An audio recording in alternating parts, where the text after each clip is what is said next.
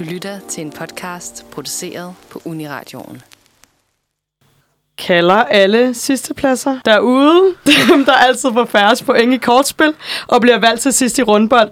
Nu skal det handle om dem, der står ved et nederlag, eller råber stop the count i ægte Trump-stil. Den, der bærer deres 0 point med selvironisk stolthed, eller dem, der ikke kan skjule skuffelsen, skuffelsen når de taber. I Eurovision 2021 blev der skrevet historie, fordi hele fire lande fik 0 point for seerne.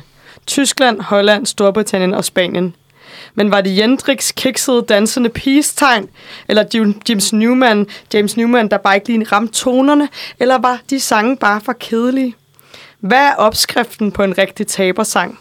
Det skal vi blandt andet snakke om i dag i Eurovision Fanclub.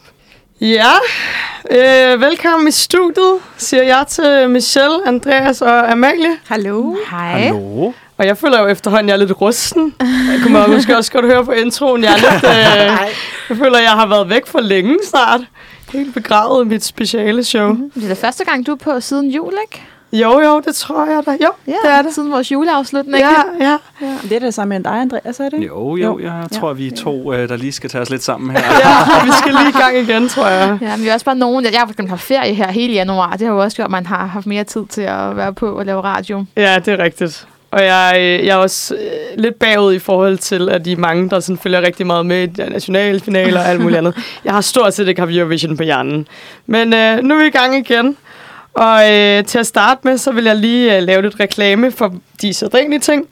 Så øh, det er vores øh, Facebook-gruppe for, gruppe for det første, som er den her gruppe på Facebook, som hedder Eurovision Fanclub, hvor man kan gå ind og være med, og så kan man komme med lytterønsker. Og udover det, så kan man deltage, hvis vi har diskussioner. Øh, jeg lægger nogle gange nogle sjove videoer op, og øh, nogle billeder, og det er rigtig hyggeligt, hvis I følger med derinde. Øh, I øvrigt, det havde vi helt glemt at skrive i manus, men øh, det tænker jeg da godt, jeg kan lufte lidt for, øh, hvis vi ikke har gjort det før. Vi har jo lidt planer om at lave en øh, Eurovision Fest øh, i forbindelse med finalen. Øh, så det skal, vi, øh, det skal vi finde ud af. Vi er i fuld gang med at finde lokale. Og øh, vi kunne godt invitere, øh, tænke os at invitere alle jer søde mennesker, som er lige så store fans som os. Og øh, det vi lige tænker indtil videre, det er, at vi skal have et lo- festlokale med en skærm, så vi kan se det sammen. Og så ellers bare have et sted, hvor vi kan danse og feste hele natten. Øhm, så det glæder vi os mega meget til. Og øh, vores, øh, så har vi også lavet planer for vores øh, Mel- danske og det bliver bare også i redaktionen, der skal se det sammen. Så det, der kommer vi sikkert også til at lægge et eller andet griner ned på Sumi. Men øhm, vores Spotify-liste, det er jo den, du skal finde, øh, hvis du øh, hører podcasten, fordi der må vi desværre ikke spille musik. Og øhm, den hedder også Eurovision Fanclub, og der ligger vi alle de sange, som vi bruger i programmet. Og til sidst i programmet, så kommer der et lytterønske. Hvis du gerne lige vil nå at lave et lytterønske til, øh, til os, så skal du skrive ind på 23 61 01 42 eller inde på vores Facebook-gruppe, hvor vi har lavet et opslag. Øhm, og her der øh, kan du altså skrive, hvis du har en øh, sang, du gerne vil høre. Det kunne eventuelt være en sidste plads. Og ellers så kunne, øh, kunne du komme med en eller anden sjov sidste plads anekdote, hvis du har lyst til det. Øhm, yes, men øh, vi glæder os til at snakke om øh, taberkultur i dag. Øh, så øh, først så skal vi jo lige øh, runde vores humør. Er der øh, noget taberagtigt ved dit humør i dag, Amalie? Nej, jeg har et rigtigt vinderhumør, vil jeg selv sige. Der er en, der høj i hatten, hva'? ja, nej, det er jo ikke, det er ikke mig, der har vundet. Det er vinderhumør på andres vegne. Aha. Ja. Nå. Men jeg var rigtig glad over den her sejr. Og hvad drejer det sig så om? Jo, vi skal til Melodifestivalen. Fordi der var jo første semifinale i den svenske, svenske Melodi Grand Prix Melodifestivalen her i weekenden. Og øh, den sang, der gik videre på førstepladsen, var øh, en sang, der hedder Homie Closer med Cornelia Jacobs. Øhm, som jeg altså, synes altså, er en sindssygt god sang. Altså sæsonens stærkeste indtil videre. Jeg kan vi, altså, virkelig, virkelig godt lide den. Øhm, men det var ikke første gang, at Cornelia har deltaget i Melodifestivalen. For hun har faktisk været med både i 2011 og i 2012 i øh, pigegruppen Love Generation. Og øh, jeg har valgt, at vi i dag skal høre øh, sangen Dance Alone med Love Generation, fordi det er den bedste af de to sange. Det er en kæmpe banger. Det var faktisk en af de store favoritter i 2011. Blandt andet fordi den er skrevet af Red Run, som mange jo nok kender. Øh, blandt andet for, fra Lady Gaga. Man kan måske huske i begyndelsen af Just Dance, de synger Red Run. Øhm, og, men den gik meget overraskende ikke videre til finalen, men til andre chancen, som jo til optagelsen sige, hvor den så røg ud. Jeg har, altid, jeg har bare aldrig syntes, det var fortjent, at den ikke kom i finalen. Og derfor så var det en lille forløsning her i lørdags fra den gang, jeg var 12 år gammel og var sur over, at Dance Alone ikke kom i finalen, da Cornelia i weekenden gik i finalen. Så nu skal vi høre Dance Alone med Love Generation. Den kommer her. Ja, Dance Alone med Love Generation. Ja, faktisk skøn sang. Altså, mm. faktisk, siger jeg. Selvfølgelig en skøn sang. Men, uh, godt gang i den. Jeg ja. føler bare, at alle dem, der deltager i Melodifestivalen, de har minimum deltaget tre andre år. Altså, sådan, det er bare men, de samme og de samme. Men det er jo sådan, der er derovre. Ja. Ej, der, er, der er altid både nogle debutanter og nogle gengangere. Men øh, jo, altså størstedelen, hovedparten, den der med i lørdags ja. for eksempel, de havde været med før. Men det er så hyggeligt, at sådan, man følger de samme artister år efter år. Hvad kommer de så med i år? Og ja, hvad, hvad der sket? Og, ja, altså, det er jo også, der skal være um, 28 sange med, så må der jo også være nogen, nogen der går igen, fordi det, altså, det, det er svært at finde 28 nye hvert år. mm. Ja. Michelle, øh, har ja. du et vinderhumør, ligesom øh, Amalie? Øh, det synes jeg absolut, jeg har, og øh, jeg kommer til at sige noget kontroversielt, og jeg tror, at altså, de fleste er måske enige med mig, men jeg ved, at Amalie er lidt uenig med mig. Uh. Øhm, men øh, jeg startede i praktik, og jeg sidder med en masse EU-stof og en masse EU-debat. Øhm, og vi skal faktisk også i gang med at forske lidt i Eurovision, øh, mig, Amalie og Inge, og andre for, øh, fra øh, redaktionen, hvis de har lyst. Og øhm, min holdning er, at man ikke rigtig kan skille EU og øh, Eurovision ad. Altså sådan, der er så stærke politiske processer i sådan sangkonkurrencen, at det kan til at overse. Øhm, så vi skal høre sangen af Rosa Lopez, øh, som hedder Europe's Living a Celebration. Og øh, lad os høre den. Og det var øh, Rosa Lopez med Europe's Living a Celebration. Hvad tænker du, Amalie?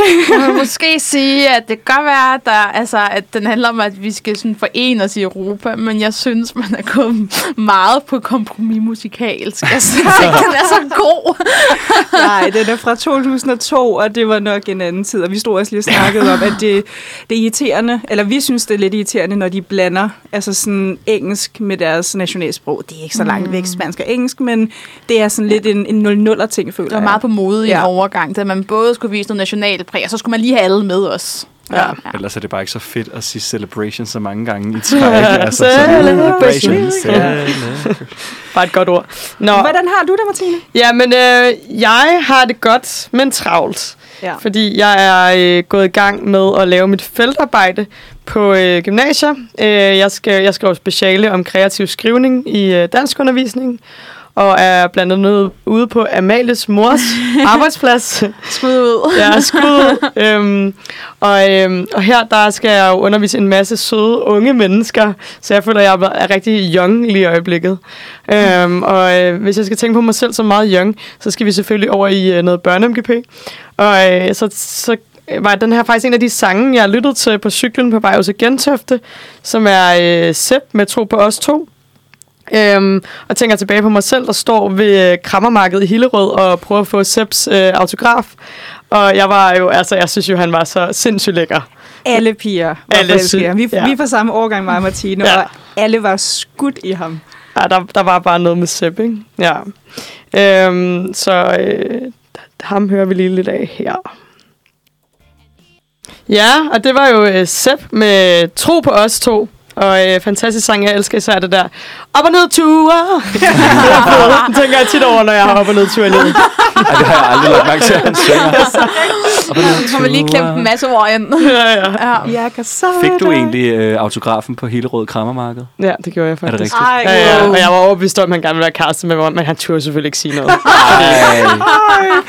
Ej, Martin, jeg var ude i præcis det samme, fordi jeg så ham i Rødovre Jeg var Nej. overbevist om, at han stod og kiggede på mig, da han Ej, så skal vi også have min tæphistorie med. Ja. Jeg så ham på McDonald's, Nå, Okay, ja. dagen efter han havde vundet.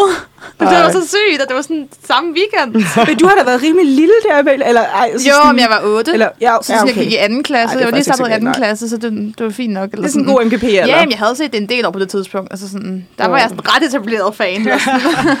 Nå, men så er jeg en ret levende taberhistorie. Jeg har aldrig mødt sæt. Ej, Wow, so sad. Cry. Cry baby. Nå, hvad er dit humør, Andreas, i dag? Mit humør øhm, vil jeg gerne dedikere til Mahmoud. Ej, okay, det ved jeg ikke, om sådan. Jeg ved ikke, hvordan, øh, hvor det lige kom fra. Ma- Mahmoud, jeg ved, ja. Øh, med Jeg tror, det udtales Mahmoud. Eller, Mahmoud. ja, eller sådan Jamen, jeg vil bare ikke lige ud i en eller anden krænkelsesag eller Nej, eller noget. Nå, øh, med hans sang Bardio, og det vil jeg gerne, fordi at jeg skal på udveksling lige om lidt. Jeg skal på udveksling om 20 dage til Østrig. Og Barrio handler om, eller det, det hvad hedder det, Barrio, det betyder, hvad hedder det, altså sådan neighborhood, eller sådan øh, ghetto på spansk. Kvarter, ja. Ja. Øhm, sang er dog på italiensk, men den henvender, eller den handler ligesom om alle de her forskellige subkulturer og diversitet, der ligesom bliver repræsenteret igennem øh, i, i forskellige, hvad hedder det, kvarterer, og øh, den her subkultur, der er meget præsenteret i mange forskellige storbyer. Øhm, og det tænker jeg, der på en eller anden måde passer rimelig meget godt til min rejse lige om lidt, i og med, at jeg flytter placering til et andet land, og skal opleve en anden kultur på ny hånd. Så øhm, jeg synes, vi skal lytte lidt til Badio med Mahmoud. Nice. Altså, det er jo faktisk ikke en Eurovision-sang. Det kunne man godt lidt høre, synes jeg faktisk. Er det ikke var en Ja, Eurovision-sang? ja. Hvordan kan man høre det? Men det ved jeg ikke, jeg synes bare, at den, den var lidt mere sådan Billie Eilish-agtig. Bill- Nå. altså, den, jeg synes, den minder på meget mange punkter om Soldi, som han Mm. vandt, Ja. eller altså, ikke som han vandt med, som han stiller op med. Mm. Men den er, måske, ja. sådan, den er lidt mindre direkte. Ja, Det er er lidt mere chill. Og det er Men sådan, den er vibe. Altså, den er Den er god. Den er syg Ja. ja. Men øhm, ja, altså, i dag så skal vi jo snakke om et andet emne. Ja, øh, lige inden, og lidt i forlængelse af Mahmoud, for, øh, Mahmoud kommer jeg til at sige nu, åh oh, gud, øhm, så skal vi lige have nogle hurtige nyheder. Øh, fordi at der var jo Sanremo finale i weekenden, og det er jo igen Mahmoud, som stiller op.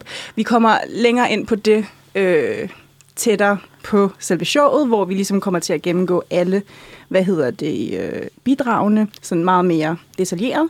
Men vi har fået nyheden om værterne til showet. Og det er selvfølgelig tre italienere, mm-hmm. og det er lynhurtigt opremset Mika, Laura Pausini og Alessandro Catalan. Og de to sidste kan vi ikke sige så meget om, udover at Laura Pausini er en prisbelønnet, øh, prisbelønnet øh, italiensk sanger, som egentlig mest er kendt i Italien. Altså jeg kendte overhovedet ikke nogen af hendes sange. Og øh, Alessandro Catalan, han er tv-vært, tv-personlighed, også mest kendt i Italien. Men Mika, ham kender vi. Uh. Ja. Spændende. Hvad tænker I? Lige hurtigt. Mika, jeg kommer bare lige til at tænke, han er da ikke italiener. det har jeg også andre sige. Nej, han er franskmand, er han ikke det? Eller hvad hedder det, libaneser? Men han må have noget italiensk blod i sig på en eller anden Ja. måde. Måske lidt ligesom Mahmoud, er en blanding. Ja. ja. Ja. Nå, jeg synes bare, jeg hørte, at han skulle være halvt fransk og halvt libanesisk. Mm. Det må vi lige Og en google 16. bagefter. del italiensk, måske, eller et eller andet.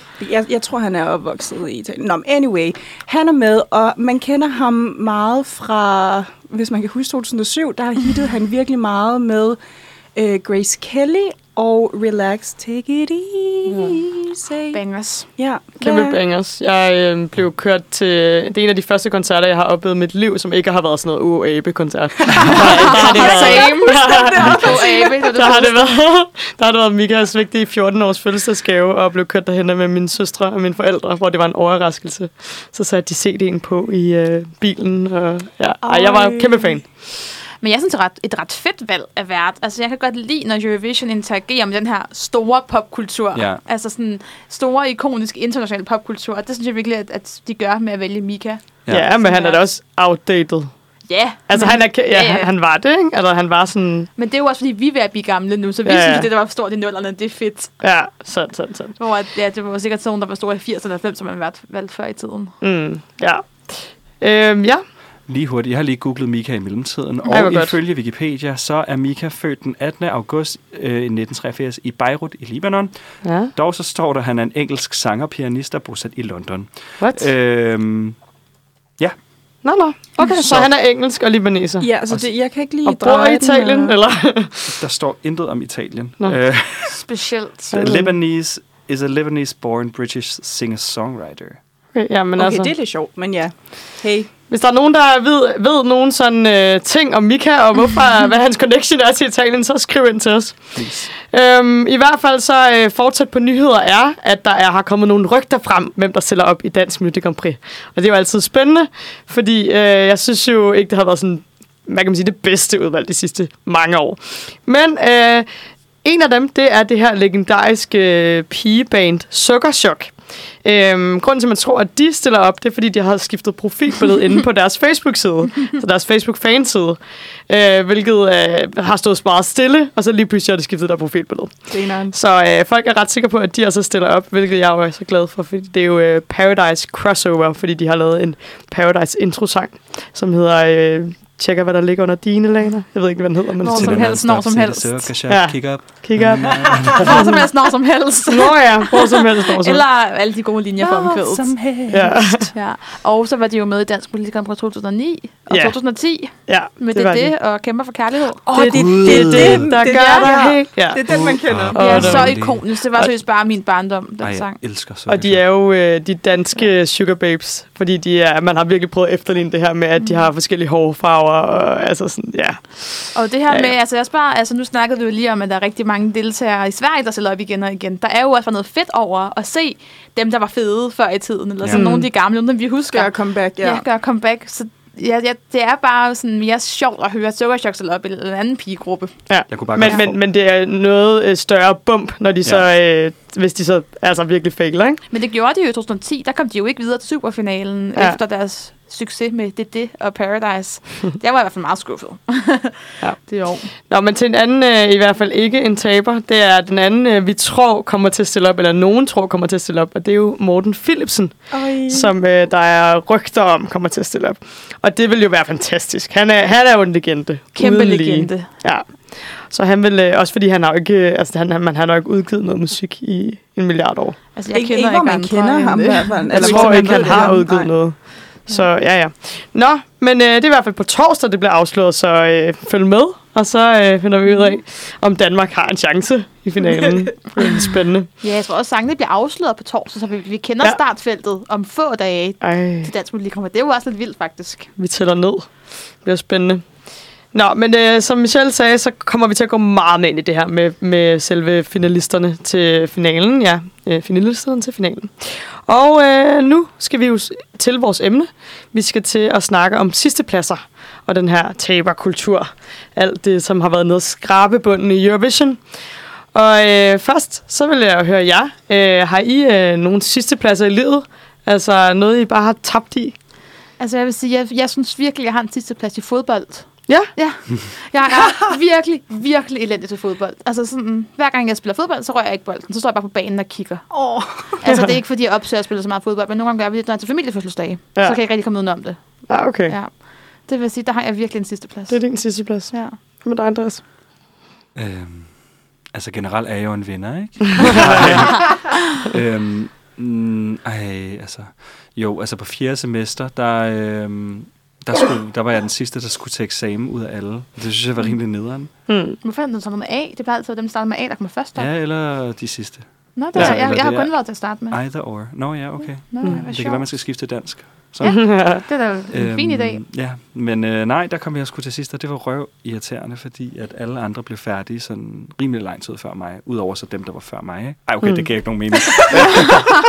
det fordi, de var fordelt over to uger, de der eksamener, husker jeg det som. Så jeg var bare den aller sidste, og det var bare så sindssygt nederen. Ja. Ja. Ja, Michelle? Jamen, øhm, ej, det er totalt leder, at stå og sige det i radioen, men jeg er jo sådan lidt den irriterende type, som er mega competitive, og derfor så er jeg ikke så dårlig til sport, så sådan, jeg tror aldrig, jeg har fået en sidste plads, i hvert fald inden for sport, men jeg kan huske, at jeg engang har vidderligt fået 0-0 i års karakter mm. i matematik. Ej. Øh, jeg gik så heldigvis op og scorede en meget bedre karakter til selve eksamen, men øh, der var jeg nok lidt en taber. Eller så var det min lærer, der var en taber, det ved jeg ikke. Ja, men øh, vi er også et sportsligt, jeg vil sige. Jeg blev altid øh, valgt som en af de sidste i rundbold, oh. øh, som jeg føler, at, at jeg føler, at vi er en hel gruppe derude, der blev valgt til sidste rundbold, og jeg føler, at det er noget, man bliver med sig op i, øh, i at være voksen, og meget hårdt, og generelt også bare tit været rigtig sådan langsom, altså løber langsomt, og sådan. Øhm, ja, men, men nu er jeg nået til en alder, hvor jeg er blevet moden nok til altid at øh, kunne argumentere for, hvorfor at jeg tabte. Altså, der er altid en grund til, at jeg taber. Så, øh, Perfekt. Ja. Så er du en vinder, faktisk. og så er jeg jo en vinder. En vinder i livet. Nå, men øhm, til emnet. Øh, vi skal snakke om øh, sidste pladser i Eurovision. Og øh, Amalie, du vil lægge ud. Mm. Ja, fordi der findes jo inde på YouTube sådan nogle... Øh, ja, der findes simpelthen sådan famøse videoer inde på YouTube, hvor den gennemgår alle sidste pladser. Og det er en meget god måde at få et overblik på. Og øhm, jeg sad så her i øh, går aftes, da jeg sad og kiggede på det, og sådan, var sådan lidt prøvet at inddele i nogle kategorier, og være sådan lidt, hvad er det egentlig, der gør, at en sang får en, øh, en sidste plads? Og øh, jeg er sådan kommet frem til, til fire sådan, sådan sangorienterede øh, grupper, som kan gøre, at sangen får en sidste plads. Og den første kategori, det er, har vi valgt at kalde de dødssyge. Og det dækker over sange, der der simpelthen er anonyme og falder mellem stolene. Og grunden til, at de bliver sidst, er simpelthen, at de er så intetsigende, at der ikke er nogen, der vælger at stemme på dem. Uden at de er dårlige, ikke? Nej, altså det er ikke, fordi de er dårlige. Ja. Nej, det er mere fordi, at de, de er simpelthen... bare kedelige. Ja, så ja. At, der, er, der er ikke nogen, der sådan går ind og siger, den her, det skal, det skal det være, fordi den er simpelthen for kedelig. Det kunne være sådan noget som uh, Tyskland 2015, Anne-Sophie med Black Smoke snakkede vi om, eller Norge 2004, altså et perfekt eksempel, ikke, man kan huske. Men begynd at tjekke den ud på YouTube bagefter. Øh, High hed den, som er de her, ja, totalt gennemsnitssange. Og så har vi øh, den anden kategori, som er det, som man kan kalde sådan de nicheprægede sange. Og det er nogle sange, som er så nicheagtige, at der simpelthen ikke er nok... Øh, så har jeg lyst til at stemme på dem. Og et eksempel kunne være Irland 2007, der slog op med sådan en, en folkemusik-sang, sådan ja, folk-orienteret, eller tysk øh, J-pop fra 2016, der også fik sidste pladsen. Så har vi en tredje kategori, som jeg valgte at kalde de elendige sange, som bare ligesom er nogle sange, der bare er decideret dårlige. Øhm, men den, altså, den her kategori forekommer øh, sjældent efterhånden, fordi at de her sange, de, altså efter semifinalen blev indført i 2008, især hvor vi fik to semifinaler, der ikke var nogen prækvalificerede sange, så bliver de her sange, som er rigtig, rigtig dårlige, bliver så simpelthen så taget fra i semifinalen, hvilket de ikke kunne blive før i tiden. Og øhm, så derfor kan man sige, at de altså, særligt forekom ja, i nullerne og tilbage. Øhm, fordi vi snak, det, vi snakker om i dag, skal måske lige understrege, det er som sidste pladser i finalen. Så vi mm. snakker ikke om sidste pladser i semifinalen, fordi der, det er et helt afsnit for sig. Øhm, og den fjerde kategori har vi valgt at kalde sange, der simpelthen misser aften. Og det er de her sange, som måske i udgangspunktet ikke er sådan rated specielt lavt og har masser af kvaliteter, men på en eller anden måde sådan bare ikke rammer aftenen. Det er især sange, der ikke brænder igennem. Det kunne være sådan noget som øh, Malta 2016, har vi snakket om, I Do med Fabrizio Faniello. Øhm, og eller Schweiz 2011, Anna Rosinelli, som jo også var en, som er kommet igennem semifinalen, og så ender på sidste pladsen. Øhm, og det er især, ja, især for semifinalen er det ligesom blevet en, en ret hyppig kategori. Øhm. Og det er også her, at det visuelle det indgår. Fordi vi sad og snakkede lidt om, nu har jeg glemt, hvad han hedder, ham fra Sverige, der var der sidste år. Tusse. Øh, Tusse. Ja, øh, at han øh, havde nogle andre lys, eller hvad var det, du sagde, Andreas? Øh, jeg sådan snakkede om Grækenland. Øh, sidste år, tror jeg. Jeg, det, jamen, jeg tror, det, tror, det var mig, der snakkede om Tusses lys. Okay. Det var fordi, at, øh, at, øh, det visuelt på scenen, det var sådan en ret flot grønt lys i Melodifestivalen. Og så ændrede de det i øh, Eurovision-finalen til, at det var sådan lidt sådan nogle blinkende lys. Meget sådan hvidt og meget sådan flimrende. Ja. Og det gav, gav bare et underligt udtryk. Ja, han blev ja. lidt væk på scenen. Altså, mm. han, øh, ja. han jeg blev meget igennem. skuffet. Ja. Han var mere igennem i Melodifestivalen. Ja. Og det er jo det, der nogle gange sker, det her med, at nogen får bare sindssygt god kontakt med kameraet, hvor at andre der sker et eller andet, der gør, at, de bare, at den, ikke, den ikke lige sidder der, der ikke ja. opstår sådan tv-magi, kan man måske sige. Ja. ja. Mm. Og det gør bare, at man får færre stemmer. Mm. Mm. Helt sikkert. Sådan er det måske også sådan med mange af de der lande. Så, altså, jeg ved godt, Sverige er et rimelig stort land i Eurovision, men sådan noget som for eksempel San Marino, som i deres nationalfinaler sådan har en meget lille scene at optræde på og Island og så sådan noget, så når det er, at de kommer til Eurovision-finalen, er den bare, scenen var en helt anden liga, ikke? Det kan godt være. Altså man kan sige, uh, Flowrider var i hvert fald vant til at optræde på rimelig store scener i Mhm. USA. Ej, han- jeg synes, jeg synes, det var så fedt, den klarede så dårligt. Ja, ja. Den var så dårlig. Jeg forstod ikke, hvorfor folk hypede at den var så dårlig. Jamen, det var noget andet, jeg så Ja. på YouTube, inden vi begyndte i dag. Det var alle de der videoer af folk, der blev skuffet over point. Og så prøvede Mm. jeg, nu fik han jo ikke sidstepladsen. Men, øhm, men jeg vil bare gerne se der, da han får de der, hvad er det, 12 point? Eller, sådan. nej, han får, han får virkelig få point i alt. Ja, altså, seerne. Mm. fra seerne. Og bliver simpelthen så skuffet, så han er nærmest lige ved at gå ud af lokalet. Og det er virkelig fedt. Det er tv-magi. Ja. Han troede jo nok, han var lidt over de andre. Ja, det tror jeg nok. Ja. Over hele Europa. Men der er jo også nogle sådan lidt mere øh, sådan kontekstorienterede årsager til, at sangen kan klare sig dårligt. Mm. Ja, og der, øh, der er der sådan noget som for eksempel strukturen. Altså, man kan sige, der er nogen, der bliver trukket lod om, hvem der skal optræde på hvilket tidspunkt, så det er der jo ikke noget strategi over. Men øhm, du kan bare ligge rigtig dårligt. For eksempel, hvis du starter. Det er nok Det- den ja. værste placering. Men det er, sådan, det er altid dem i starten, de har bare større chance for at falde igennem. Ja, det har de bare, fordi det er sindssygt svært. Man ser så mange forskellige, og man glemmer lige med det samme dem. Vi snakkede også om, at El Diablo Ja. ville have klaret sig meget bedre sidste år, hvis den havde fået en anden placering. Den var kommet i top 10 uden tvivl, Ja, tror jeg. Altså, hvis den ikke havde startet. fuldstændig. Og så er der sådan noget som, øh, kom jeg til at tænke på det her med, at bookmakerne jo er jo ude at sige, hvad for nogen øh, de tror kommer til at vinde, og hvad for nogen der kommer til at ligge i bund og i top.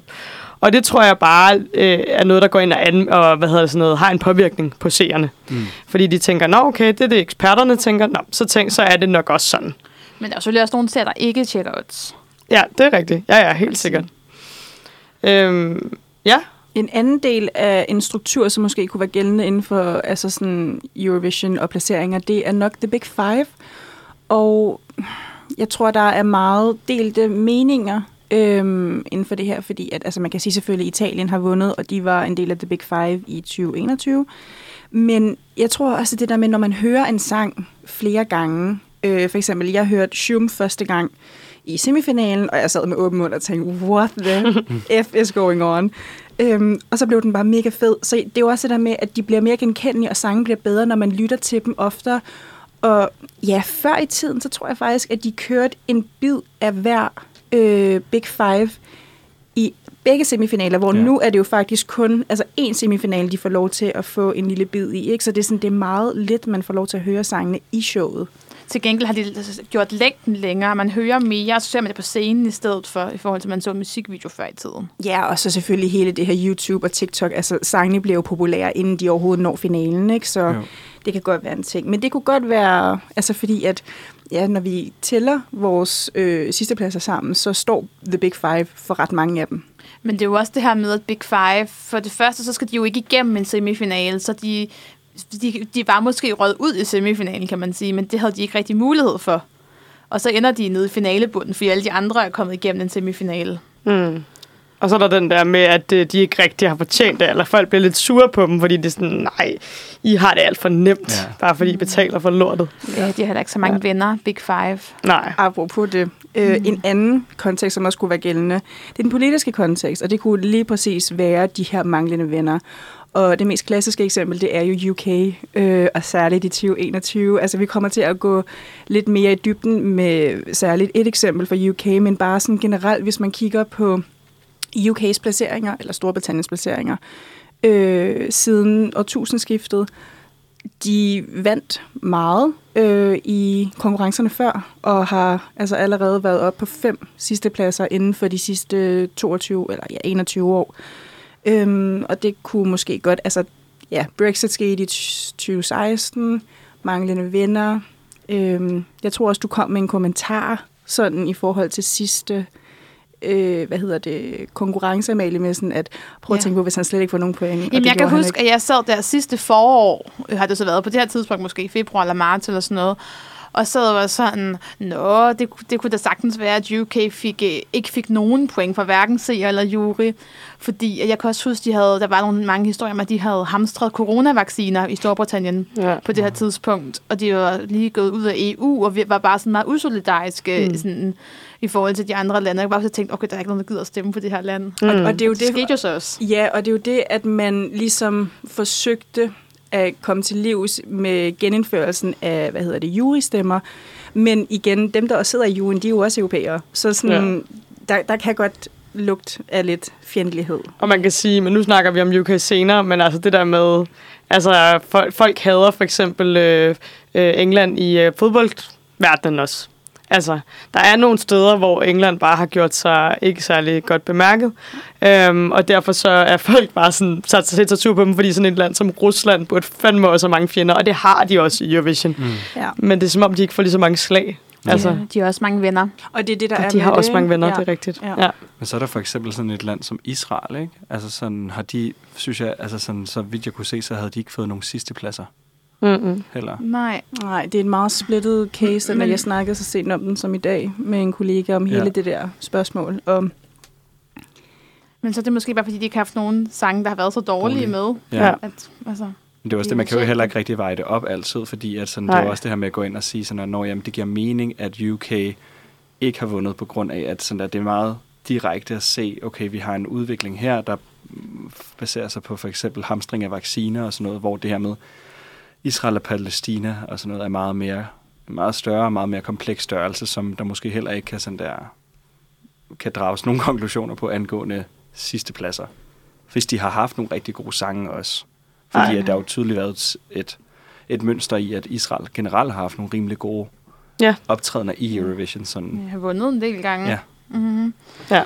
ja. At det, bare fordi man er lidt en bad guy, så betyder det ikke, at folk stopper med at stemme på en. Absolut ikke. Nej. Det bliver spændende, hvad der sker i år. Det bliver sjovt at se, hvor England er nu. Mm. Mm. Og hvis de har en semigod sang, og, for, og nærmest ikke får nogen stemmer, så tror jeg godt, vi kan drage nogle Altså, konklusioner. det, er jo, fa- det er jo sket flere gange. Jeg plejer altid at sige det her, men jeg har faktisk holdt med UK to gange mm. i Mm. tierne. Og begge gange kom de lidt midt i. Ja. I finalen. Ja, lad os, lad os øh, fortsætte yeah. UK-diskussionen senere. Ja, det er, den fortsætter en anden dag. Ja. Øhm, jamen, vi snakkede også om, at der er, øh, altså, der kunne være nogle andre faktorer gældende i det her spørgsmål omkring sidstepladser. Det er jo, det kan også have noget at gøre med de forskellige landes øh, repræsentation, eller der de forskellige landes øh, forhold til forskellige typer af musik. Altså sådan, at man i, ikke for at skulle sige, at, at alle kulturer er afgrænsede størrelser, men mere det her med, at øh, der er måske også nogle tendenser i de forskellige nationalstater rundt omkring i Europa, Øh, også det her med, at der er jo også nogle tendenser til, at man støtter hinanden, øh, eller i nabolandene støtter hinanden øh, i visse tilfælde. Så jeg tror også det her med, at hvert land på en eller anden måde også har en, en speciel smag inden for Eurovision-feltet, øh, som også sagtens skal påvirke den måde, at sidstepladserne ligesom bliver, øh, eller hvad hedder det så, det er jo så godt nok vinderne, der bliver udvalgt, men, at den, men ud fra hvordan det er, at, at, at pladserne bliver rangeret på, ikke? Og så bare hele den her altså, sn- snak eller konsensus om smagspræferencer. Vi snakkede lidt om inden programmet, at for eksempel Frankrig klarer sig generelt bare bedre, Mm. på trods af, at de stiller op på deres nationalsprog, end for eksempel Danmark. Og det er bare fordi, der er enighed om, at fransk bare er lækkert og Ja. kultiveret. Ja, og det har det jo været lige siden øh, altså, øh, ja, 1600-tallet, da man begyndte at være sådan Ja. rigtig øh, op at køre over det franske sprog. Og Og, bourgeoisie og sådan noget. ja, Ja. altså der var, altså sådan, Franke er på en kæmpe pedestal, når det handler om kultur, og det Absolut. er faktisk ikke gået ned på noget tidspunkt. Det er, lidt- det er lidt vildt at tænke på. Men jeg tænker også på sådan noget som, der kan også være noget musik, nu siger jeg den rigtige verden, det ved jeg godt, jeg ikke må sige for dig, Amalie, men der kan være sådan andet musik end Eurovision, der bliver udgivet, og så på den måde øh, kan spej, altså, så bliver Eurovision-musikken spejlet i det, og nærmest sådan øh, gør det okay. For eksempel, hvis det nu bliver populært med noget Ja. Latino-rytmer var meget Ja, populært i 00'erne for eksempel. Ja. Ja. Og så tænker de, nå ja, nå, okay, det er, det er faktisk okay i den normale musikverden, så er det også okay i Eurovision. Mm. Så på den måde er der nok mange ting, der spiller ind. Også det her med, at man kan vælge, altså det her med, at som vi også snakkede om tidligere med, at det kan være, det kan være en gråzone, det her med at blande forskellige sprog i musik, som jo også er meget velkendt i Eurovision, men der er jo så nogle ting, der fungerer rigtig godt, og især med mange af de latinske sprog, ikke? altså både spansk, fransk og italiensk, portugisisk til tider også, bliver, brug, bliver brugt rigtig meget i sådan popkulturen og i popmusik og så videre. Men det virker jo også til gengæld, fordi det har bare en, det har bare en lyd, som fungerer rimelig godt i mange henseender, ikke? Mm. Ja, Øhm, helt sikkert. Og noget musik, som også passer godt til at blande med moderne musik, ikke? Altså sådan for eksempel som med Shum der, ikke? Som har nogle ret stærke traditioner og tendenser, der trækker tilbage. Sådan noget ukrainsk folklore, som bliver blandet med noget mm, hardcore techno. Og det fungerer apparently bare rigtig godt sammen. Øh, så ja. Ja, mm. og så, pa- og så er Schumers øh, det, man kalder jo et, øh, sådan et... Øh, hvad, kan, hvad, hvad hedder Ja, det er jo niche, men, ja. det, men det holder. Ja. Altså det der, hvor du sagde, at niche mm. kan godt være noget, der hiver, folk, hiver, hiver sangen helt ud af konkurrencen, men det kan også godt være noget, hvor man tænker, okay, det er fedt. Mm. Det adskiller sig fra de andre ting. Og, og der kan man jo så sige det her med, at hvordan konkurrerer man også i musik? Fordi, hvordan, altså, hvornår er det fedt? Og hvordan, altså, det er jo hele tiden, det hele det her smagsspørgsmål er jo også bare sådan sindssygt komplekst. Ja. Mm. Og jeg tror også bare, nu har vi ligesom opridset nogle faktorer, der kan gøre, at en sang kommer på sidste plads, eller nogle ting, som sidste pladserne kan have til fælles, men, men vi kan jo ikke, man kan jo ikke gå ind og sige, det var derfor. Nej. Man kan jo ikke gå ind og sige, den er dårlig, for der er altid nogen, der vil synes, den var god. Mm. Altså, Mm-hmm. men der kan være nogle, nogle pile, der peger, hvor flere pile peger i en bestemt retning, hvis man kan sige det sådan. Ja. Og så lige inden vi skal til at lytte til et øh, musiknummer, så, ja, så er der bare en lille sjov detalje, som jeg faldt over i forhold til et schema, som har, øh, hvad hedder det, opridset, altså hvem der ligesom er kommet på flest sidstepladser.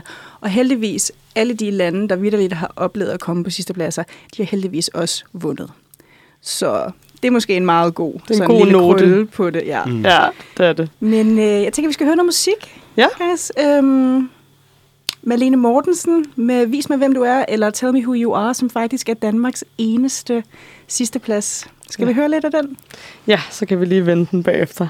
Her kommer Malene Mortensen med Vis mig, hvem du er.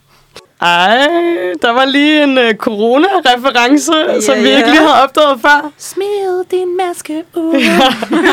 Og det lyder, Find dit hjerte frem, ja. ja, vi har smidt vores masker ud og fundet vores hjerter frem, fordi der er genåbning. Så smukt. Nå, men det var Danmarks sidste plads 2002. Heldigvis eneste, ja. Ja. Og meget sådan overraskende sidste plads. Jeg altså. forstod det slet ikke. Altså, jeg kan huske 9-årige Michelle, hun var altså, mundlam, og jeg kan huske, jeg sagde til min far, jeg var sådan, Nå, men gud, så er vi jo ikke med næste år, fordi på daværende tidspunkt, hvis Nå, man ja. ikke kvalificerede, så så røg øh, var det inden for de første 15, det kan jeg ikke helt huske, hvad reglerne var Ja, men de dengang. lavede det også om på et tidspunkt. Så til at starte med, så var det, at man skulle være inden for de... Nej, først var det et gennemsnit Ja. af ens placeringer årene inden.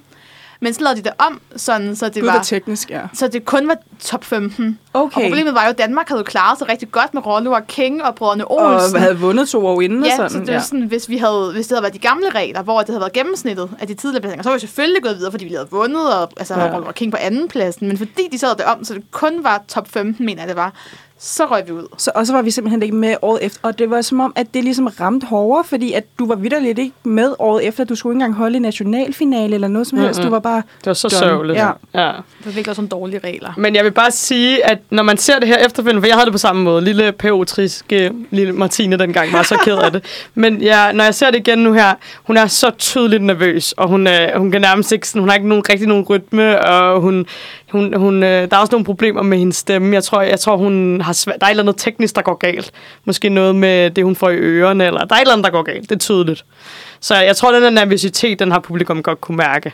Men, ja, men det er også lidt et eksempel på en af de der sange, hvor at artisten bare ikke brænder igennem og Ja. ikke får kontakt til publikum. Fordi det er jo ikke en, det er en god sang, er vi jo enige om her i studiet. I hvert fald, Mhm. mm. øh, I hvert fald tre flertallet. Ja. Inden, sådan, altså, Og bedre på engelsk end dansk. Ja. ja, og det var jo da der, den tabte, hvor den vandt jo på dansk, Ja, ja, kan det er rigtigt. sige. Ja. Men, Åh. ja. Malene Mortensen. Og jeg ved i hvert fald, at jeg har set en dokumentar med hende senere hen, hvor at hun er, eller ikke helt hende, et interview med hende, hvor hun bare er simpelthen så ked af det her, fordi hun følte, at hun blev sådan udstillet, og, øhm, og hun turde ikke lave musik et godt stykke tid efter, fordi hun synes... Hvor, Ja, hvor hun gammel var hun, da hun øh, failede i Eurovision? Ah, jeg tror, hun har været i s- midt-20'erne. Hun Okay, okay, var ja. yngre. Jeg tror faktisk, hun var omkring 20. Nå, okay. Det Hun ser også rimelig ung ud, men Skal, ja. vi, skal vi researche på det? Ja, lad os Ja. lige finde ud af det. Ja, det var lidt Men i hvert fald, øhm, når man searcher på, eller når man øh, søger Mhm. på hende nu, øh, så har hun lavet masser af julemusik og jazzmusik, sagde du også, Martine. Ja. Ja, så hun er kommet godt efter det. Hun er ikke, øh, hun er ikke blevet helt tabt. Nej, det er rigtigt. Men det er også lidt interessant det her år 2002, fordi det faktisk er et år, hvor der går rigtig mange rygter om stemmesnyd. Altså fordi det var telefonafstemning, og det kunne man godt hacke, og der er lavet, lavet dokumentarudsendelser om, at man, hvordan der kunne have været stemmesnyd det her år. Så man må også bare sige, selvfølgelig er det nogle rygter, men det kan jo også bare have spillet ind. Mm. Altså, at Danmark simpelthen har sp- spillet efter reglerne, og det er der nogle andre, der ikke har gjort. Ja. Altså, søg på den. Morgen og Carsten lavede en rigtig spændende dokumentar om, hvordan at der blev fiflet med stemmerne før i tiden.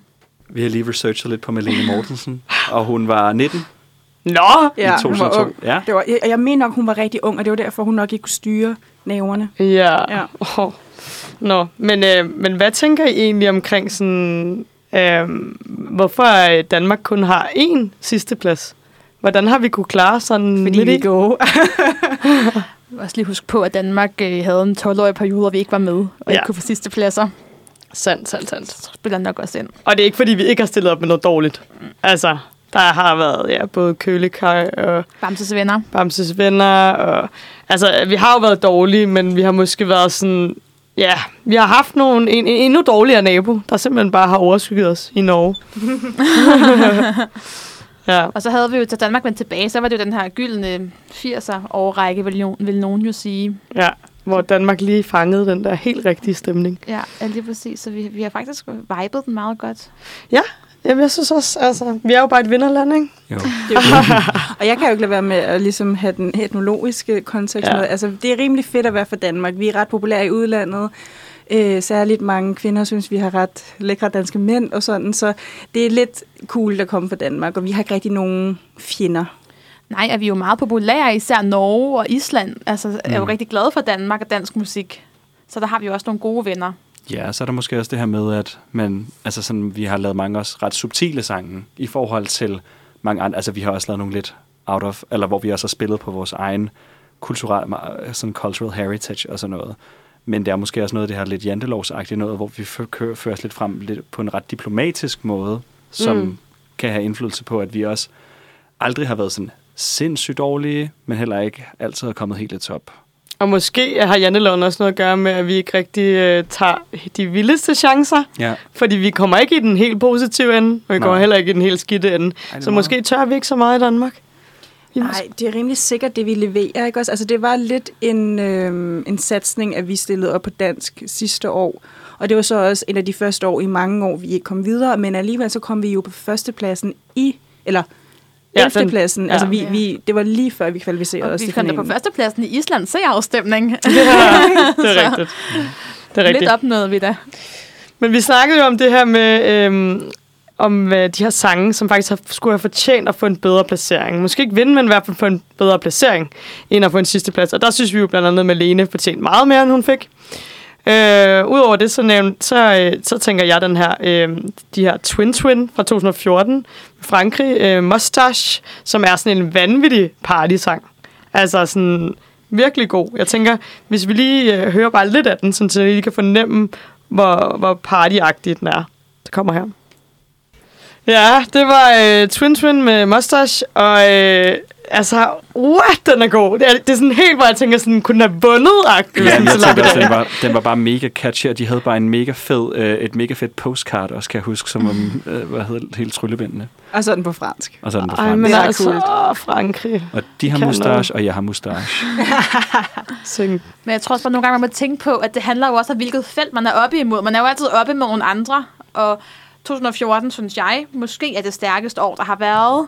Så der var bare ikke nogen oplagt mm. sidstepladskandidat, og så pegede pilen bare lige pludselig på dem her. Altså sådan, Ja. fordi den er jo sindssygt god, men der var heller ikke andre, der lige kunne have taget sidstepladsen det år. Fordi alle havde noget godt med. Og det kan også godt finale. være, at, at de var lidt for fjollede til 2014. True. Altså, nogle år er lidt mere seriøse end andre år. Ja, 2014 Og, var meget sådan, seriøst. og det er 2014 var seriøst. Altså, jeg tænker bare, øh, den her, det er jo en Uno. Altså, det er en Uno-sang, ja. Ja. som er stillet op øh, i øh, 2020. Øhm, og og, og øh, den, den, var der ikke der. Den havde været så stor på TikTok, hvis den var kommet ud i dag.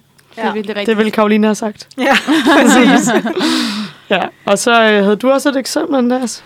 Ja, altså jeg synes jo, at Osha Jim øh, med Isaura og Claudia Pasquale øh, fra 2018, det var Portugal, øh, var en sindssygt ærgerlig sidsteplads, fordi at jeg synes. Men det er måske også det øh, træder måske også meget igennem min smag til Eurovision, som generelt også er lidt mere nichepræget, og er lidt mere sådan, jeg kan godt lide det her, jeg kan godt lide, at man spiller på noget af det nationale, jeg kan godt lide, at man spiller på noget måske politisk eller et eller andet, og sådan den her sang, den øhm, er baseret på sådan en portugisisk musikstrømning, der hedder Saudade, som også betyder øh, tristesse, eller øh, sådan, at man dyrker det triste, som er en, en genre, der vist opstod i Portugal øh, tilbage i 1800-tallet, og så er den så øh, lever den stadig i dag, hvor det er noget meget rørstrømsk musik, øh, og den her sang, den handler også om at, at miste og at savne, og man kan ikke rigtig lave musik, altså i den her musikgenre, som er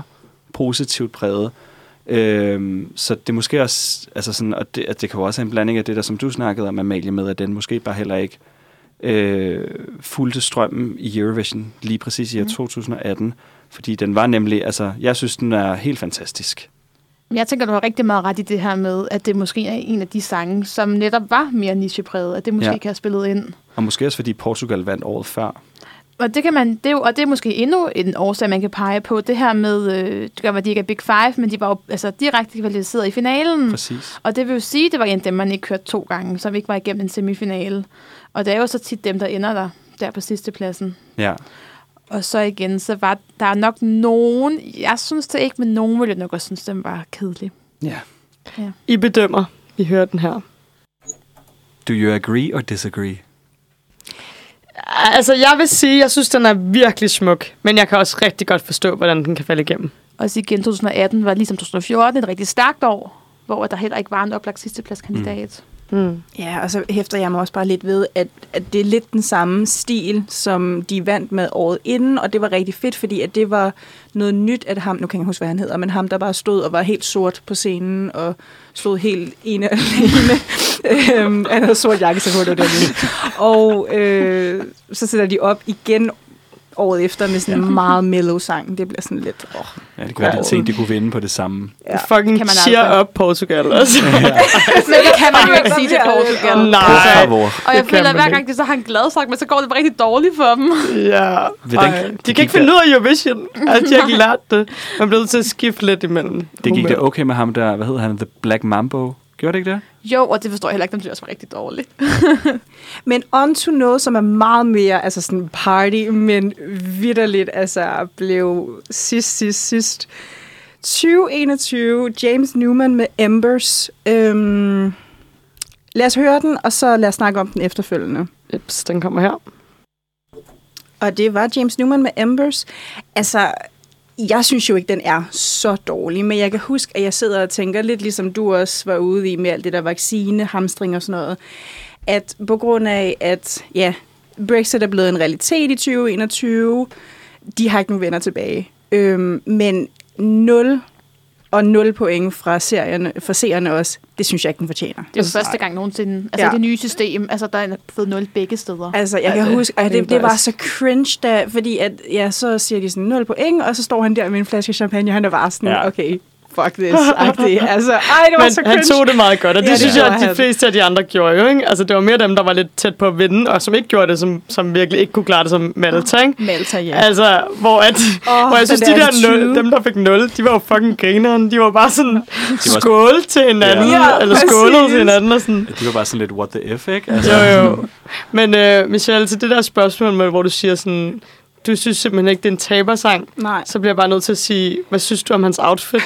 Fordi hvis det ikke er et taber-outfit, så ved jeg snart ikke. Hold derop. Jeg blev virkelig slået ud. Jeg kunne næsten ikke koncentrere mig om musikken, fordi jeg synes, at hele optræden og outfittet var helt helvede. Altså, sådan, Altså, jeg Okay. føler bare, at han er mega Han, basic. ja, er ikke sådan han, han er, står sådan, jo, han står sådan midt i et eller andet, der er sådan, øh, løfter sig fra, fra øh, gulvet. Ja, det var mærkeligt. Ja, det var super underligt. Og øhm, så har han den her lange læderjakke på, men hvor der er rigtig mange... Øh, ja, Lynlåse. hvor der er rigtig mange lynlåse i. Og man kan se, prøv lige, må jeg lige se. Altså, det er Andreas, han sidder og viser et billede af ham.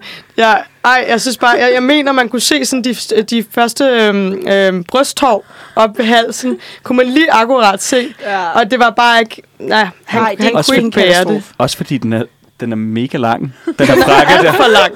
Ej, ej, ej. Jeg synes virkelig, han var sådan en rigtig sådan en, øh, en, en, en far, der skulle være smart og skulle med i byen med Men- sine øh, Men venner. det, det, det er så ultimativt cringe, det der Ja. foregår. Altså sådan ja, cringe level 100. ja, det er det. Og sådan alle unge seere må have været sådan, nej, nej, nej, nej. Ja, det var Det lidt kan mærkeligt. Ja. Men alligevel så, så står vi og snakker om, Andreas, da sangen spillede, at vi kunne sagtens stå og danse til den her sang på en klub. Altså, jeg synes ikke, den er dårlig. I think it's delightfully British. Ja, Jeg synes, den er rigtig, rigtig dårlig. okay. Men det er heller ikke min genre. Jeg har noget af det der sådan rigtig sådan øh, hyggefunk, som jeg virkelig står af på. Ja, Og det er ja, lidt, ja. ja. Og jeg synes virkelig, hele det der med ham, han er sådan rigtig, kom nu alle sammen op af stolene. øh, vi skal... Jeg tror, bare, jeg, jeg tror bare, jeg har det sådan, hele Europa kan have stemt ham på så dårlig en plads. Altså, der er jeg også meget enig med dig, Michelle, fordi at sådan... Altså, ja, det er jo ikke fordi, at jeg selv vil sætte den på, men jeg på den anden side, så sådan, der har den der en vibe, og hvis jeg hører den på en eller anden klub, så tror jeg, så vil være sådan, æh, lad os gå crazy. Jeg tror bare ikke, at jeg forstår, hvorfor den er så sindssygt lavt rangeret, fordi jeg sådan, selve omkvædet er egentlig okay, og det er nogle ret fine øh, hvad hedder det, beats, han har med. Øh, han klarer den egentlig rimelig godt, synes jeg. Men der tror jeg også, man kan tale rigtig meget om det her med at få eksekveret det på scenen, som vi også er inde på. Det der med, hvordan man performer. Ja. Det er nok rigtig meget der, den også ligger. Mm. get up the floor. Ja. Ej, Men jeg- en anden britte, som Ja. øh, også klarer sig vildt dårligt, Amalie. Ja, det er øh, faktisk Storbritanniens første sidste plads, og deres første 0 point. Det var, det var en sensation, det vi snakker om med Gemini, gruppen Gemini, øh, med sangen Cry Baby, der simpelthen fik 0 point i 2003. Og jeg tænker, vi starter med at lytte til den, og så kan vi evaluere lidt på den. Yes, den kommer her. Det var Cry Baby med Gemini fra 2003. Og jeg forstod jo ikke, at den kom på sidste pladsen. Jeg synes, sådan, den er rigtig fed. Altså, jeg synes, James Newman er bedre så. Ej, jeg synes klart Gemini.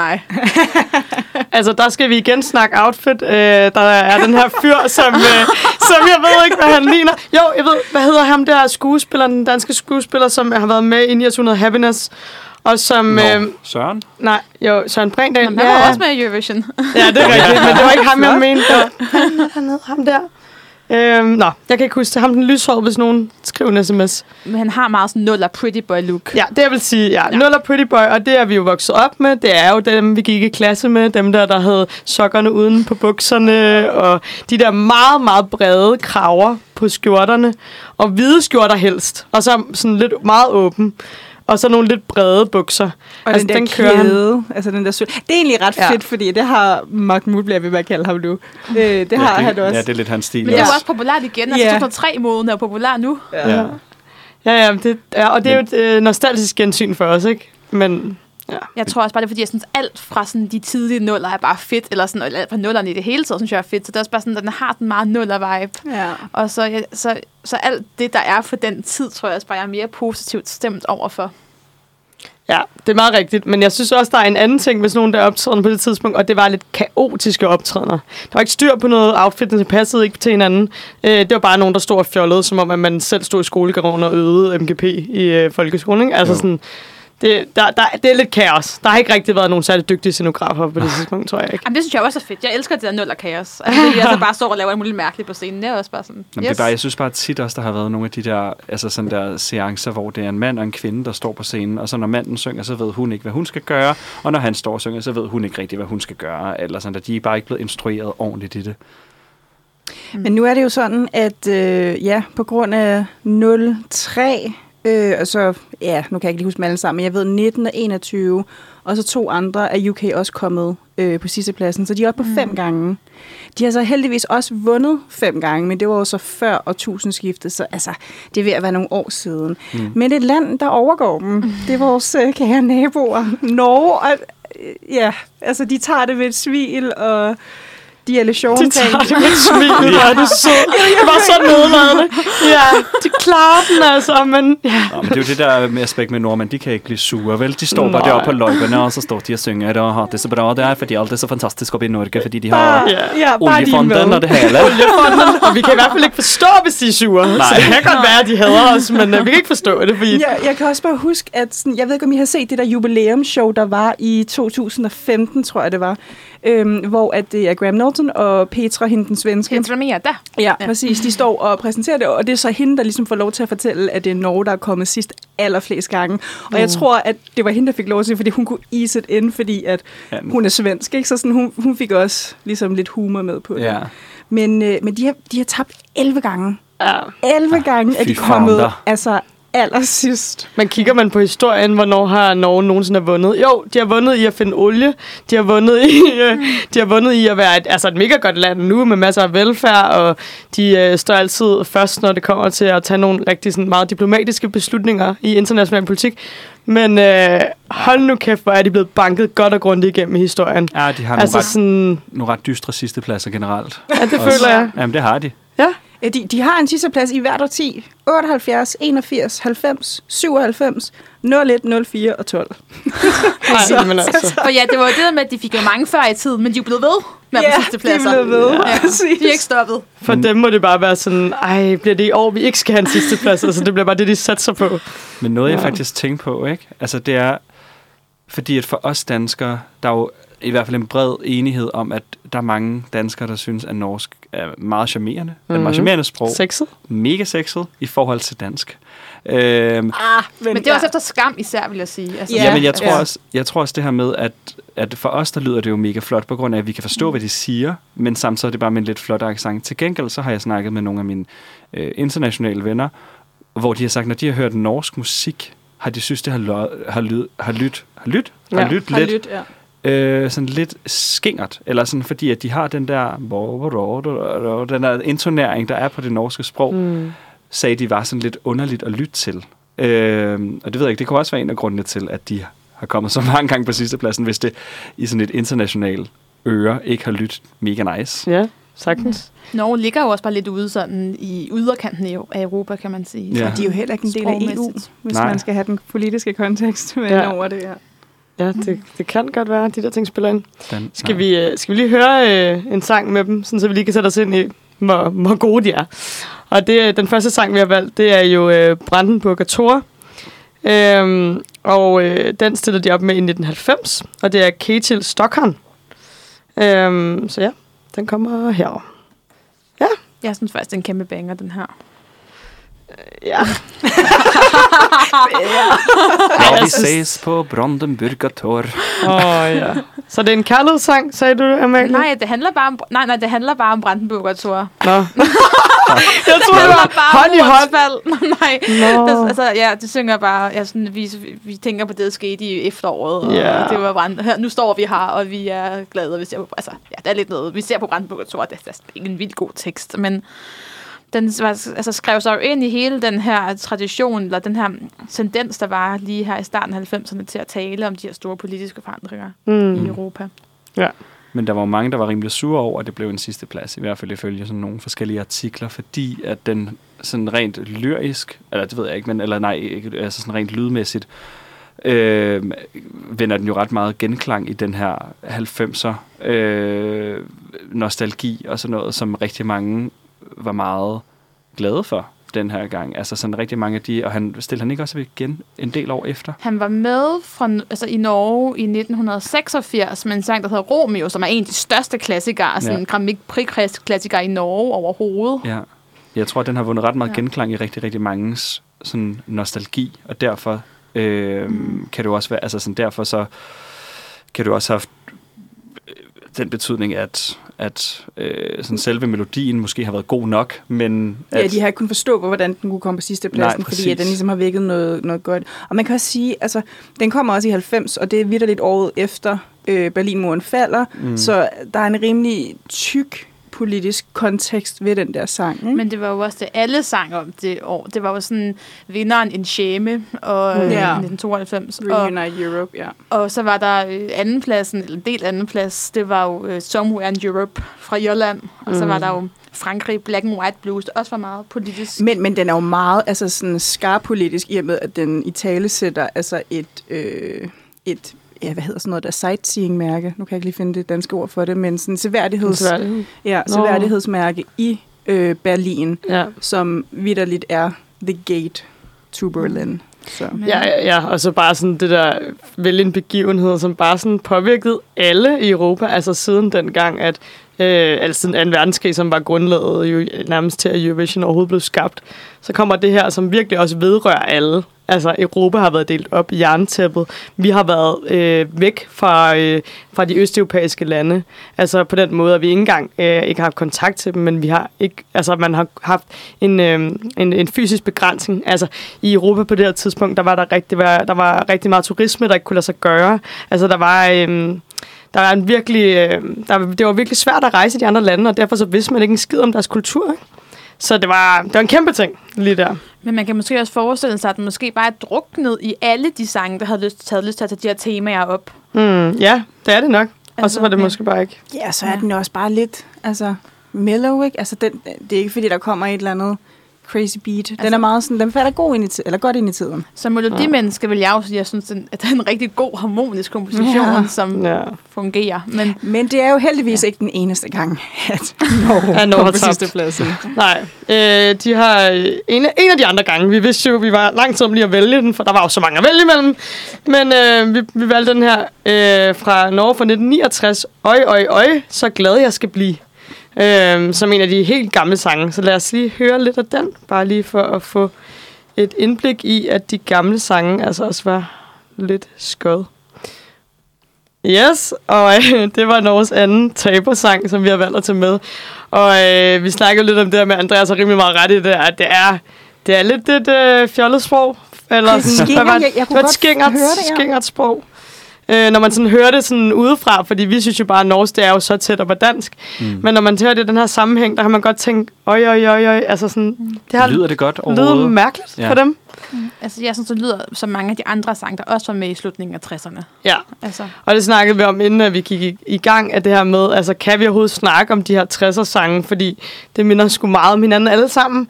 Om en ting, der virkelig brændte igennem dengang, det var det her med, altså hvis der var meget den samme melodi, øh, de havde det her kæmpe store orkester, så de spillede jo lige godt, kan man sige, øh, alle dem, eller hver gang de øh, var med til at spille. Så, øh, så meget af det, som der så spillede ind, det var, hvilket sprog man sang på. Og der er det ret tydeligt, at øh, Frankrig øh, har føretrøjen i, at det var lige det her, det her romantiske sprog. Øhm, så selvfølgelig England, der havde fordelen i, at man altid kunne forstå, hvad de sang om. Mm. Og så, øhm, så har Tyskland og Holland og Danmark og Belgien. Belgien, Sverige, Norge, altså bare været nogle lande, der bare ikke, det har ikke lyttet så godt. Um, så det kan jo være, at det er en af grundene til, at Belgien er dem, der har øh, tabt næstflest gange. Ja, og sammen med Finland også. De har også fået. Finland og Tyskland, Ja, ikke? som også virkelig klarer det Ja. dårligt. Ja, og de har også haft mange år at gøre det på, kan man sige. Vi snakkede også om det her, men øhm, det, er der er jo ikke så mange østeuropæiske lande på listen. Og det er jo nok det her med, at der er mange flere år, hvor det kommer Vesteuropa. Ja, helt sikkert. Det Det kan man også virkelig nu tabe mange gange. Ja, det må man sige. Nå, altså, øh, vi kunne blive ved evigheder og snakke om alle de her tabersange, fordi det er faktisk øh, virkelig griner at gøre. men øh, men vi øh, bliver nok nødt til at stoppe for i dag. Øh, så, øh, så nu vil vi øh, så småt afslutte med det, vi plejer. Og sige, at øh, hvis I rigtig godt kan lide vores podcast, så gå ind og følg eller blive medlem af vores Facebook-gruppe. Det kan alle blive, som hedder Eurovision Fan Club, og hvor man kan være med til at interagere, interagere lidt, lidt derinde. Den har virkelig været skidt med min udtale i dag. Jeg tror, jeg er lidt træt. Men øhm, så, øh, så kan I melde jer til der. Så vores Spotify, den hedder også Eurovision Fan Club, og den kan I øh, også gå ind og følge, hvor I kan høre alle sangene, som vi desværre ikke kan spille i podcasten. Podcasten, den, øh, den kommer ud om et par uger, og den kan du høre på alle de øh, podcast-platforme, som du kender øh, stort set. Og så øh, vil vi jo sige, at øh, følg med, fordi vi er i gang med at planlægge den fest der, og vi håber, at I alle sammen kan være med. Øhm, Og vi har allerede datoen for den. Det bliver den 14. maj, så det bliver finaledagen. det bliver selvfølgelig finaledagen. Så sæt det i, da i kalenderen. Ja, hvis I kan løsrive jer for alle de andre traditioner, I har, så prøver vi lidt at samle en masse mennesker, der rigtig godt kan lide Eurovision samme sted. Lidt øh, sørgeligt for en, vores øh, medlem Andreas kan ikke være med. Måske er jeg i Torino på det tidspunkt. Og det er meget sejt. Og jeg, skal for, live. jeg har faktisk lige fundet ud af, at jeg skal til Italien i påskeferien. Okay. Så jeg kan jo lige Ej, komme fedt. ned og lige se, sådan, er de klar? Er alt, som det skal være? Er der Vi får et pressekort. Ja, lige for, for et pressekort. Ja. Nå, men øh, vi skal til lytterønsket, og øh, det er lidt øh, en genganger. Øh, øhm, fordi vi har nemlig fået en besked fra Victor fra Vandløse. Hej Eurovision Fanklub igen. Jeg vil gerne høre uh, I Stand af Gabriella um, Konchikova, som er Tjekkiets første kvalificerede bidrag i finalen 2016. Selvom den har været på en næst sidste plads i finalen, kan jeg stadig ikke komme, over, komme over, at seerne gav den en uh, sidste plads med 0 point. Um, til sangen, uh, ja, Rest in Peace, Tjekkiet hos seerne. øhm, juryerne gav 41 point til sangen. Jeg synes, den er fantastisk, og den har noget specielt i sig, og den fortjener bedre i seernes, øh, øh, den fortjener be- bedre end seernes 0 point, som den fik. Med venlig hilsen, Victor fra Vandløse. Godt, den finder vi til dig, Victor. Og øh, så vil vi egentlig bare gerne sige tak for en fantastisk, øh, endnu en fantastisk aften med jer, vores øh, skønne lyttere, og så ses vi igen på mandag. Øhm, og så må I følge med i, hvad vi kommer til at snakke om der. Ha' det rigtig godt. Vi ses næste gang.